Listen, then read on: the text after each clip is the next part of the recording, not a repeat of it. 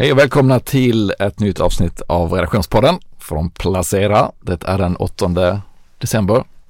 Det, är, det känns som det är fredag varje fredag nu eftersom börsen går upp hela tiden. Eller? Vad säger ja.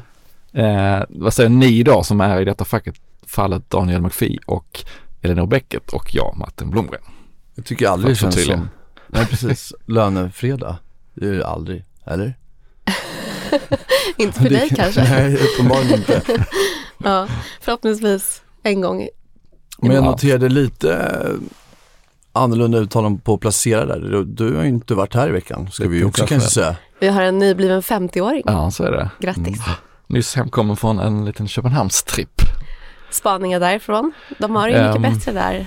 Du äger ju lite, förlåt nu är jag lite hetsig här, men du äger ju ett dansbolag. Du var inte på ja, bolagsbesök. Nej, ja, ja och nej kan man säga. Jag var på Carlsbergs huvudkontor där utanför och strök omkring mm. eh, på deras trivsamma område där de hade sitt stora bryggeri. Där har de nu med ett, ett uh, visitor center. Man kan besöka och få sig lite Carlsberg-historia och lite annat kunde man också få i sig om man ville.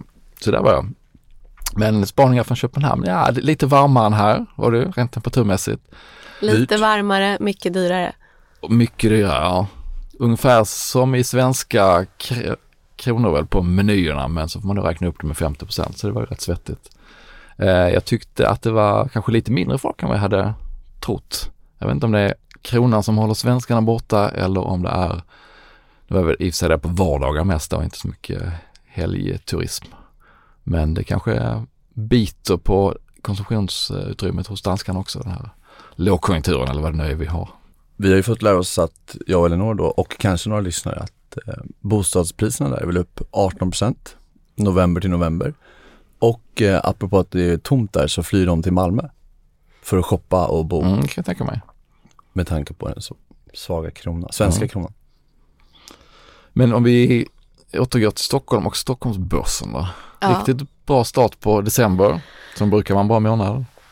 Det vi har suttit här och pratat om i flera månader som att det skulle hända känns som att det har hänt nu. Vi har fått den här eh, vändningen i räntan, mm. sett att eh, bolånen börjar sjunka. Eh, ja, idag får vi ju jätteintressant arbetslöshets eller sysselsättningsstatistik från USA. Nästa vecka är det nytt Fed-besked. Eh, det enda som jag tycker är lite läskigt det är ju att det är väldigt, helt plötsligt så är det också prissatt att vi ska få ganska många snabba räntesänkningar ganska tidigt. Ja. Och eh, det, då, då känns det också lite läskigt när ändå börsen har gått upp så mycket som mm. har gjort att det Alla finns ju utrymme för eh, besvikelser. Och kanske att om nu räntorna kommer ner väldigt snabbt och väldigt mycket så vill man ju inte veta hur världen ser ut i verkligheten då eftersom att det lär vara någon jätteinbromsning. Precis, Eller? och det var som eh, jag lyssnade på Mattias Sundlingens morgonrapport. Han säger ofta smarta saker och han sa ju så här att än så länge så är det som det har varit väldigt länge, att, nämligen att dåliga nyheter är goda nyheter. Mm. Det betyder att vi kommer få lägre ränta.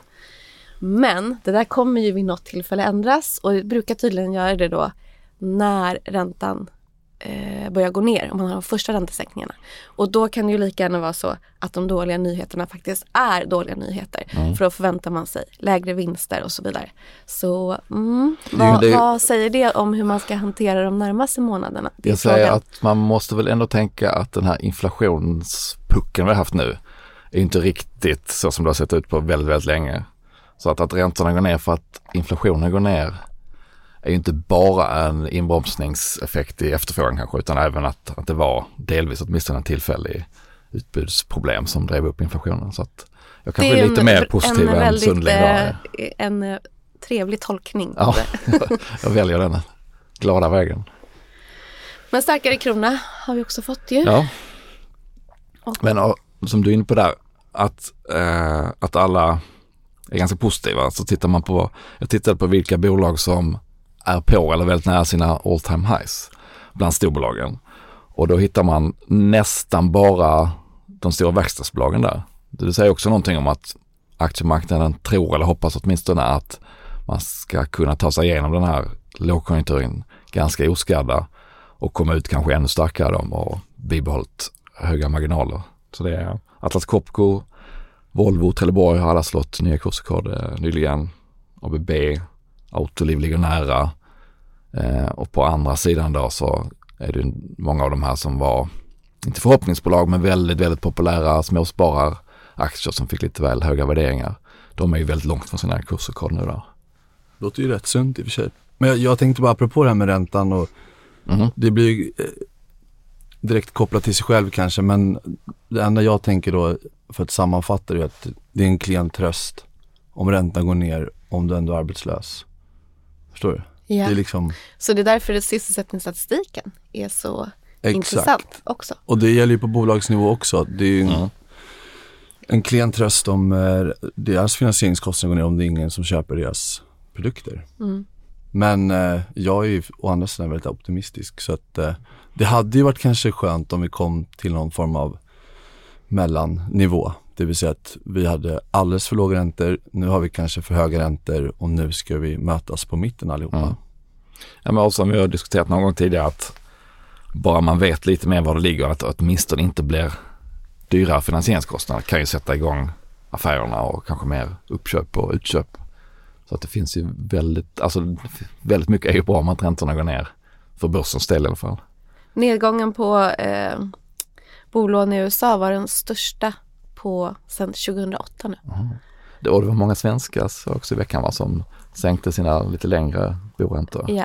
Men jag hade en liten, pratade med lite andra eh, aktiekollegor igår faktiskt och vi pratade om det, eh, kollade lite vad som har hänt på eh, fastighetsbolagen med aktierna. Aktierna, fastighetsaktierna. Och ser man där att eh, de handlas väldigt likt, eh, lika. Många har gått Mm. exakt 20%. Sen ser man det är två bolag som har väldigt korta lån eller som har väldigt kort bindningstid på sina lån. De hade gått båda ganska exakt 40%. Mm. Så att eh, det känns som att det finns en oerhörd koppling till räntan. Det var nästan obehagligt att se hur liksom, tydligt det var kring Mm. räntan och varför sa jag det här? Intressant. Ja. Men apropå fastigheter, bygg. Du kikar Mm. på Skanska. Exakt. Och den är ju med i månadens aktier ska man säga och Ja. då vill jag till att börja med höra, vad, ni var ju inte med förra veckan. Jag vet att No. Martin gjorde någon förändring men jag vill också, kan jag få höra vad ni har gjort? Ja, jag kan ju tyvärr inte skryta med något, något byte här. Utan jag håller kvar där, Handelsbanken. Eh, hoppas på någon form av eh, extra utdelning eller återköps, någon form av trigger liksom för att den kursen ska gå upp. Mm. Eh, eh, de tjänar ju ändå så mycket pengar. Du Eh, köper och intjäningen. Och sen, eh, precis, och sen Essity har jag kvar. Eh, och även Railers. Och det, där kan man väl säga att nu har väl ändå den, den har inte gått dåligt men det är väl också någon utav, kanske att konsulterna liksom är de sista Mm. som kommer gå upp sen. De har inte. väl piggnat till har lite här ändå- i sista De har piggnat till lite men inte, ja. Det kan ändå att de ligger lite efter Mm. andra småbolag. Om man Ja ser men liksom tittar man på lite längre kurva så ser det ju väldigt eh, lockande ut tycker jag. Mm. Och, men du gjorde någon förändring där? Jag Martin? gjorde en förändring, ja. Jag tog ut Fagerhult, belysningsbolaget som har varit med på listan väldigt länge, sedan i mars, februari-mars tror jag. Eh, De kom en lite sämre rapport somras, fick ordentligt med stryk. Nu kom de en bra Q3-rapport och aktien är upp 30% sedan dess och har hämtat igen hela fallet i princip. Det finns en väldigt bra långsiktig story då i att till, exempel, eh, vet vad heter det, lysrör, armaturer för lysrör måste bytas ut av EU-regler. Eh, som kan driva på efterfrågan plus eller då energieffektivisering och så vidare. Så att, långsiktigt jättebra case men eh, ja, jag tycker det är kanske dags att avvakta lite där nu då.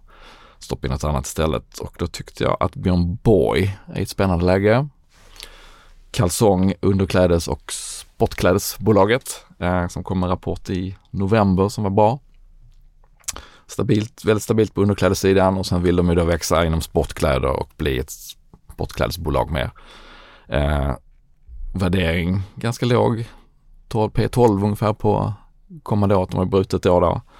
Eh, så jag tycker om man ska summera caset så är det väl att de har stabilitet i sin underklädesförsäljning som dessutom har en bra säsong här nu vid julen. Och skulle de lyckas med sportkläderna så är det en potential eller en option som man inte behöver betala speciellt mycket för att de kan värderas upp då på att, eh, att de blir med ett sportklädesbolag. Så att de får komma in. De var faktiskt inne i, på listan förra den här säsongen också. Jag tror jag hade dem i två, tre månader över vintern som gick ganska bra. Så hoppas Ja. på samma resa.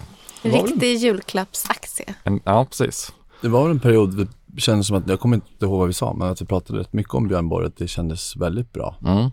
Men den aktien är väl relativt volatil om jag minns det rätt, så att Den är det och den är inte, den den är ganska liten. ganska liten precis. Och, och all konsumtionsaktier har ju svängt ganska mycket upp och ner men de har stått emot bra, säljer bra via sin egen e-handel där man har lite bättre marginaler. Eh, inte, aktierna har kommit upp en del men eh, som sagt det har också lönsamheten pekar uppåt så att eh, ja, jag tror det kan bli en ganska bra, en bra resa hoppas jag på. Så att det var mitt byte där. Jag vet också, det är nog inte avgörande för caset, men att både du och jag oberoende av varandra hade köpt produkter på Björn Borg under november tror jag var. Så var det nog ja. Ja. Och jag tror inte vi är ensamma. Nej, förhoppningsvis inte. Ja, jag, som sagt, jag, hade, jag har ju Skanska i månadens aktier. Den började ju väldigt trögt i november. De hade rapport första november och jag har ju kvar den nu i, även i december och jag skrev om det i veckan. De hade också kapitalmarknadsdag i London i mitten på november, 17. Och jag har pratat om Skanska tidigare, men de gick ju, jag tror att det var ett av de största rasen i aktien någonsin i första november. Det var ju väldigt bra för de som läste och köpte då. För sen har det gått desto bättre. Ja, precis. Den, precis som övriga börsen så har ju den gått starkt i november. Jag tror att den var upp ungefär 15% Den bottnar på 145 på rapportdagen och är väl runt 175 idag, såg jag. Så det blev ju bra. Jag Eh, var en av dem. Ja, just det. Mm. Men du hade köpt sen innan väl, här för mig, att Okej. du sa i någon podd. Men eh, förlåt. eh, nej men så det har vi gjort. Så att jag tänkte att det var dags att titta. Det är ju lite, det är ingen unik spaning på något sätt. Men man brukar ju oftast prata om byggrörelsen och tillgångarna. De Mm. har en intjäning i byggrörelsen som är en rörelsedriven verksamhet. Och sen så har de tillgångar i, fa- i form av fastigheter. De har bostadsutveckling och de har också en förvaltningsorganisation nu för fastigheter som de håller på att bygga upp. Den är väldigt liten fortfarande men ska bli större. Och Skanska är ju ett sånt bolag som haft mycket problem med nedskrivningar och det är ju för att de, deras stora, långa projekt ibland inte blir lika lönsamma som de hade trott för att saker förändras under tiden. Och den nuvarande vdn Anders Danielsson började 2018. Då hade de en rörelsemarginal i byggrörelsen på 0,7. De hade haft problem i Polen och i USA. Och hans uppdrag har varit att förbättra lönsamheten och kanske inte jaga så mycket volym som innan. Så att det, det, de pratar väldigt mycket på kapitalmarknadsdagen och det är väldigt enkelt att säga att de är selektiva. Mm. Och det kan man också fundera lite kring. Deras orderingång var ju ner, eller den var på 30 miljarder och den var förväntad på 40. Så det är ändå 10 miljarder mindre i, tredje kvartalet. Är det för att de är mindre selektiva eller för att de är Mer Sämre selektiva. Kanske är var det för att de är mer selektiva eller är för att de är eh, mindre konkurrenskraftiga? Ja. Det får man klura på. Men de har en väldigt stor orderstock sen innan så att det ska nog inte vara något problem just den frågan på kvartalsbasis i alla fall. Men eh, så det har gjort i alla fall att brutit ut eh, byggrörelsen och tillgångarna och då ska man också ha med sig att tillgångarna är deras egna redovisade värden. Det behöver inte betyda att de är sanna. Nu har de en historik av att ha gjort väldigt mycket försäljningar till mer än vad de har bokfört dem till. De har ju mycket infrastrukturprojekt i USA, framförallt i USA där det går väldigt bra fortfarande. Så har de väldigt mycket infrastrukturprojekt och mycket social infrastruktur. Vi pratar sjukhus, mycket järnvägar, allt sådana saker. Men tittar man då i alla fall om man bara räknar på det som, eller tar fram det som de har tagit fram som redovisade värden så är det 77 miljarder, deras tillgångar. Och sen har de dessutom en nettokassa på 5 miljarder ungefär. Och byggrörelsen har på rullande 12, det vill säga de senaste 12 månaderna ut från september tjänat 7 miljarder. Så har man en multipel på 5, så en byggrörelse kan vara värd 5 gånger resultatet, så hamnar det på 35. Och tillsammans med de här 112. Och börsvärdet är idag 71, eller i alla fall när jag skrev igår. Okej, så Så det finns en liten kudde där kan man säga. Ja, eller så kan man också säga att aktiemarknaden tror att tillgångarna är för högt värderade. Eller att rör, eh, byggrörelsen inte är värd fem gånger eller inte kommer tjäna 7 på rullande 12 utan kommande 12 kanske 0. Ja. Men historiken talar ändå lite emot det.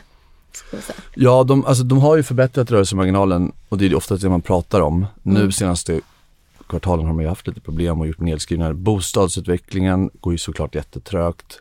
Transaktionsmarknaden är ju död som vi vet i princip. Nu sålde de någonting igår såg jag. Men eh, de bygger de här projekten och sen så säljer de dem ju vidare, så att säga, stora fastighetsprojekt. Det kan vara en stor kommersiell fastighet i USA till exempel. Men om transaktionsmarknaden inte är bra, då kan de inte, då är det ingen som köper dem och då blir det problem med kassaflödet. Det är också en sån grej man kan nämna som också de pratar om på kapitalmarknadsdagen. Man kan prata nettoskuld eller nettokassa. De har 5 miljarder i nettokassa idag. Men som de pratar om så det har egentligen inte så stor betydelse om de har nettoskuld eller nettokassa. Såklart om det är extrema nivåer. Men det är tillgången till likviditet som är viktiga. Och Men man nu- får byggrörelsen på köpet kan man nästan säga då, då om, om man nu tror att, att det andra är värderat rätt. Precis, förutsätter man det så får man ju det och att man tror att byggrörelsen kan ha en ungefärlig intjäning i nivå med senaste året, vilket de lär ju inte ha då, men mm. så, eller om man vill ha en, ja, så får man fundera lite vad man tycker är värt. Men eh, de har väldigt bra tillgång till likviditet så att de har ungefär 22 miljarder. Eh, så att de kommer ju förhoppningsvis har de ju en möjlighet att rida ut de här utmaningarna men också kanske kapitalisera på det, det vill säga att köpa någonting under tiden. Eftersom att de har också, de håller på att bygga upp den här förvaltnings förvaltningsfastighetsdelen. Där har de köpt för ungefär 4 miljarder, de ska köpa för ungefär totalt 18. Så där kan de kanske utnyttja det. Kan man inte tänka sig lite finanspolitiska satsningar också framöver både i USA och Europa som, som kan gagna dem? Absolut, USA har ju liksom, där går det ju starkt i vissa delar och det är ju det man ser resultat av redan nu och det, det som är en, en kritik mot Skanska och det får man ju bara tycka själv vad man tycker är bra men de finns i Europa och i Nordamerika och man kan ju hävda att nu stärker ju USA deras resultat medan Europa går svagt. När Europa går svagt kanske USA går trögt. Så att det skapar en stabilitet men det får heller inte den här enorma hävstången. Och jag tror också att det, det är ju, kan ju vara värt att tänka på att det här är någonting man ska äga väldigt länge om det någonsin ska bli bra. Det här är ett av de projekten som Fredrik Lundberg av alla hans framgångsrika projekt kanske brottats mest med och jag hoppas att det kanske får lite mer kärlek nu då. Är Spännande. det köp på Skånska Cementgjuteriet eller? Det blir väl typ så. Jag, nu satte jag ingen köpreserv för jag har en köp sedan tidigare. Mm. Behåll. Ja, så det blir väl någon form av behåll. Om man har väldigt mycket tid kvar. Typ. Det vet man ju aldrig. Nej man gör inte det, tack och lov. Så att, eh, nej men jag, jag tycker det är bra. Det är inte så kanske jättespännande. Det är ju alltid skönt tycker jag när man köper någonting att man förstår att det finns någon form av kudde kanske. I form av att eh, rent teoretiskt så i alla fall så köper man kanske, vad säger man, en krona för 80 öre. Ja. Det brukar vara bra. Något helt annat. Vet ni vad som hände igår? Nej. Vad som hände igår? Nej, det var sista dagen att ändra PPM-fonder. Ja men det vet jag. Ja. Eller det visste jag egentligen. Eh, inte sista dagen någonsin. Gjorde utan, du någon ändring? eh, nej, Nej. eh, det gjorde jag inte. Men eh, nej, det är så här att eh, nästa vecka så kommer pensionsrätterna in för premiepensionen in i premiepensionssystemet. Så det handlar om 51 miljarder lite drygt som ska fördelas då i det. Och eh, Och per person, vad är det nu om man är i taket? 12-13 000 eller? Ja, sånt. 13 600 tror jag precis per person. Mm. Och det är ju då, jag tror att det är över 5,5 miljoner som Mm. eh, de här som antalet sparare. Så ja, då, eh, och då är frågan, kommer det ha någon eh, betydelse för börsen? Den absolut största delen kommer ju då in i Sjunde AP-fonden andra globalfonder. Ja, då kommer det inte göra något. Men möjligen att det kan ha en liten effekt på de här Mm. eh, småbolagsfonderna som har den största delen av PPM-kakan. Så eh, Men Eh, kan kika AP-fonden har väl ändå lite svenska aktier kanske? oerhört lite. Ja, det Typ så. som eh, en vanlig globalfond. Ja, okej. Ja, Typ ingenting. I alla fall när det kommer till noterade aktier. Så Ja. att, Ja, det ingen alltså, jag tror att det är, ja, nej, det är, De bolag som är, alltså, man säga, småbolag som är darlings bland småbolagsförvaltarna, de borde kunna få en liten skjuts kanske då. precis, typ kanske Hexagon. Ja, eh, kanske Securitas brukar vara med i en del av de där faktiskt, Ja, ja. ja, några av de där skulle Mm. kunna, kanske något av de mer stabila fastighetsbolagen Mm. som är med där. Ja. Kortsiktigt men ändå. Så som tidigast då, eh, och det här eh, sker under nästa vecka. Så sen kan man då välja om sina fonder igen. Men eh, mm, vad har ni i er PPM?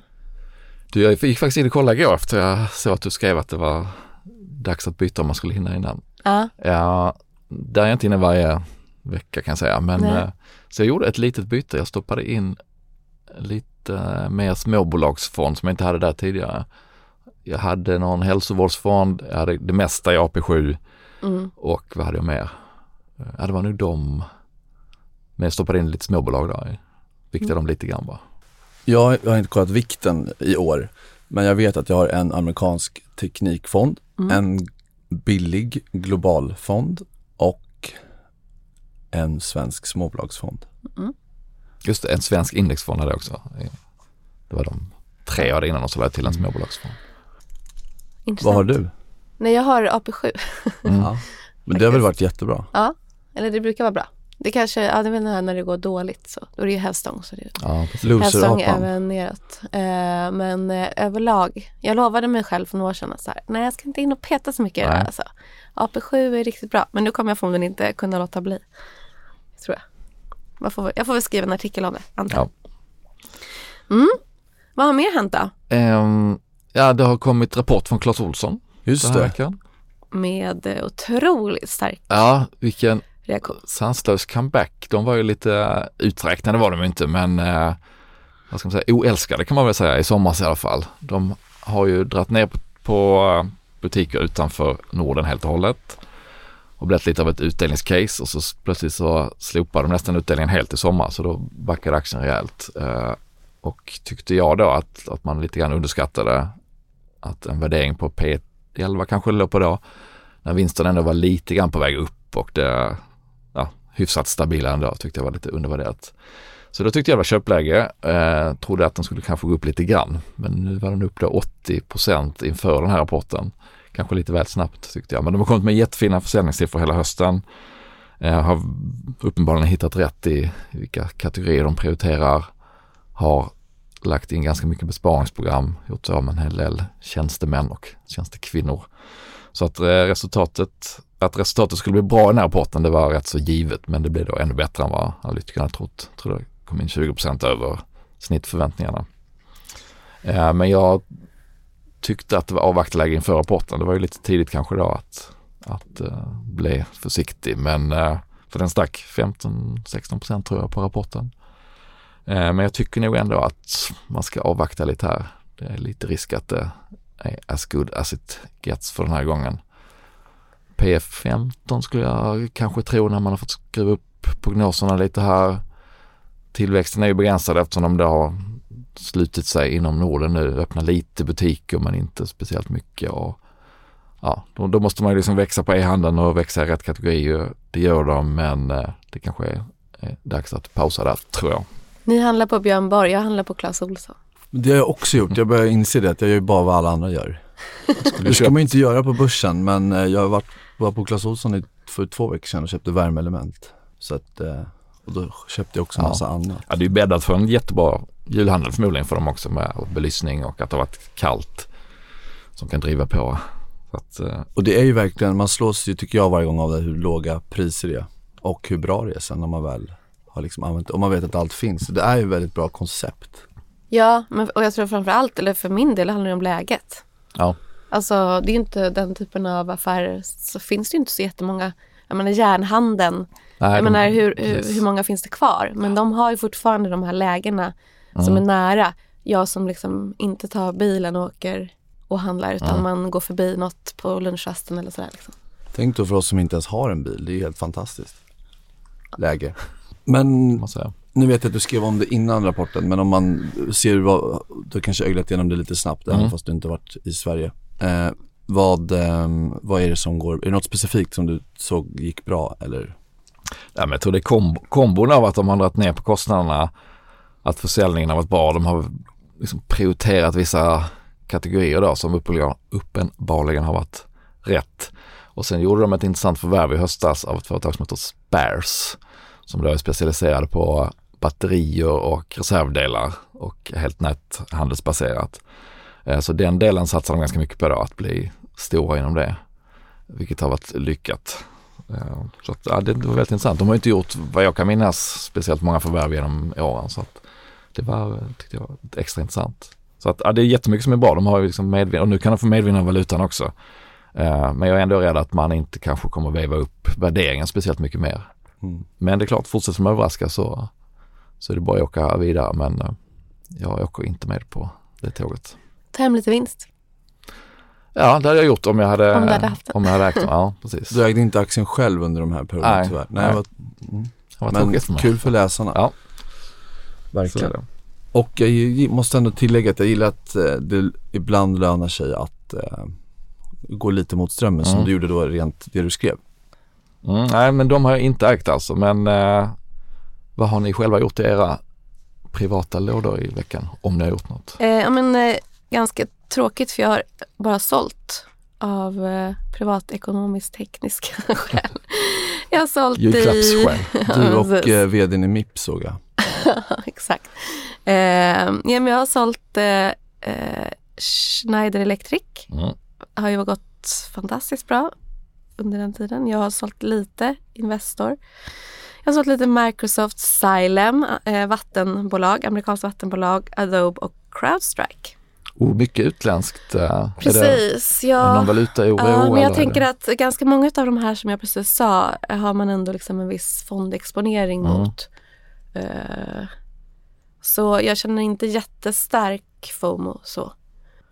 Men tänk, är, det, är valutan en faktor här eller är det mer Eh, slump det att det är var... valuta och som sagt att jag skulle sälja något. Liksom. Mm. Eh, så det är en blandning. Eh, och då vill jag ju kanske ändå sälja det som jag som har gått ganska bra och som man känner att det kanske kanske är svårt att liksom gå särskilt mycket bättre från den här punkten. Liksom. Microsoft måste ha varit en kanontripp. Eh, ja. Eh, Schneider Ännu nog mer. Okej. den bästa av de här faktiskt. Mm. Den har gått riktigt bra. Best of the best. Eh, ja. Ganska aktiv ändå. Daniel, du? Daniel, Vad har du ganska gjort? aktiv. Mm. Oj, eh, nej, men du? jag, har, jag kan ju tillägga att jag har ju bara gjort saker i min tjänstepension. Så det är lite fegt, men jag har ändå gjort det. Eh, jag har inte ändrat så mycket ppm då, så att det är väl det jag har gjort. Men jag har ju också fått feedback för att jag inte kan ta förluster från mina kollegor. Så att jag har slängt ut en eh, riktig surdeg som jag hade en skvätt kvar i som heter Iricity. Vi behöver inte ens prata om det. Eh, men där tog jag stoppen. Nu har jag i och för sig, tack och lov, kommit ur helskinnad och det här var sista skvätten som var kvar för att jag skulle påminna mig själv om hur värdelös jag är ibland och då så slängde jag ut den. du är Så- hård mot dig själv. Ja men det ska man vara. Men sen sålde jag också lite HMS som har gått ganska bra, lite det här eh, novemberrallyt och väldigt högt värderat industri automation, Mhm. automation tror jag på eh, fortsatt, men det sålde jag. Och sen sålde jag lite Troax som också gått ganska Ja. bra. Eh, så att någonting har jag gjort rätt.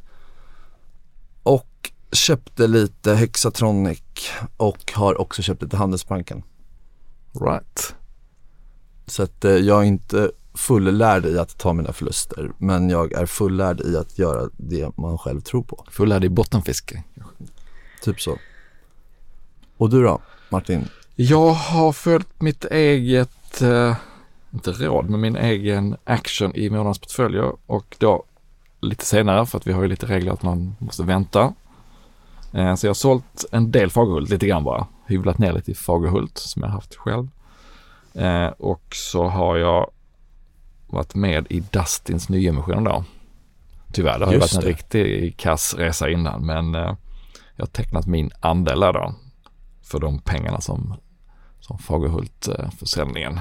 När är den eh, emission? Eh, jag såg att det kom in rätt mycket insynsköp från Mm. huvudägarna på olika Ja men sätt. den är i princip klappad och klar nu då. Mm. Och som vi, du sa för någon, när jag nämnde att jag tänkte vara med i den, att du skulle köpa mer teckningsrätt och det borde jag gjort. För det blir ju som det inte helt sällan blir, att botten inträffar när de avskiljs och alla vill ut och det, Mm. allt är bäs. Eh, Så den har ju gått, teckningsrätten har ju stuckit iväg. 70-80 procent tror jag. Så den har hämtat sig bra. Det är också ett väldigt skuldsatt bolag så kombinationen där av att nyemissionen är gjord och att uh, räntan är på väg ner har nog fått lite extra fart på, på den. Så det är det jag har gjort så att uh, ganska like for like där, pengar in, pengar ut. Så jag har fortsatt fullinvesterad. Kul. That's it. Känns bra inför december här. Mm. Men inget julrally kanske? Kanske det vi har sett. Exakt. Ja, det, jag tror det var upp 3% hittills i december. Och det brukar ju vara, det brukar ju vara upp. Jag kollade inför december här, det var sista 20 åren så har 15 och 20 år varit upp i december. Så, Men var inte förra året så att det började bra och sen så kom det av sig? Jo, för att vara dålig. Ja. Och sen så blev januari superbra, som Mm. ingen trodde. Nej. Så att man får blev all- helt tvärtom. Det blir alltid tvärtom nästan. Ja. Ja. Just det. Det var Men, då eh, konsensus var att första halvåret blir jättetrögt och sen blir andra halvåret jättebra. ja, precis. Och det blev helt tvärtom. Ja. Mm. Spännande. Så, men Därför är det december så brukar jobbigt ju... att sitta här och tycka saker Varje i en podd i varje vecka. Man, Inte undra på att man blir hård mot sig själv. Det är svårt. Men 3% upp så man kanske har tagit ut en del av julrallyt Mm. redan. Vi får se. Jag tycker ändå att det är ganska mycket medvind nu i det här och där. Det är väl då man ska Mm. bli rädd i och för sig men uh, vi räds inte. Nej, det är onödigt. Vi hade flera år av medvind innan det här. Så man kanske inte ska vara skraj för en Nej. månad. Nej, jag tror inte det. Nej, det är väl det mest spännande vi har avhandlat den här veckan, eller? Ja, Ja. Ska Tar vi helg? Ja, det gör vi. Tack för att ni har lyssnat. Bye, bye. bye. Hej.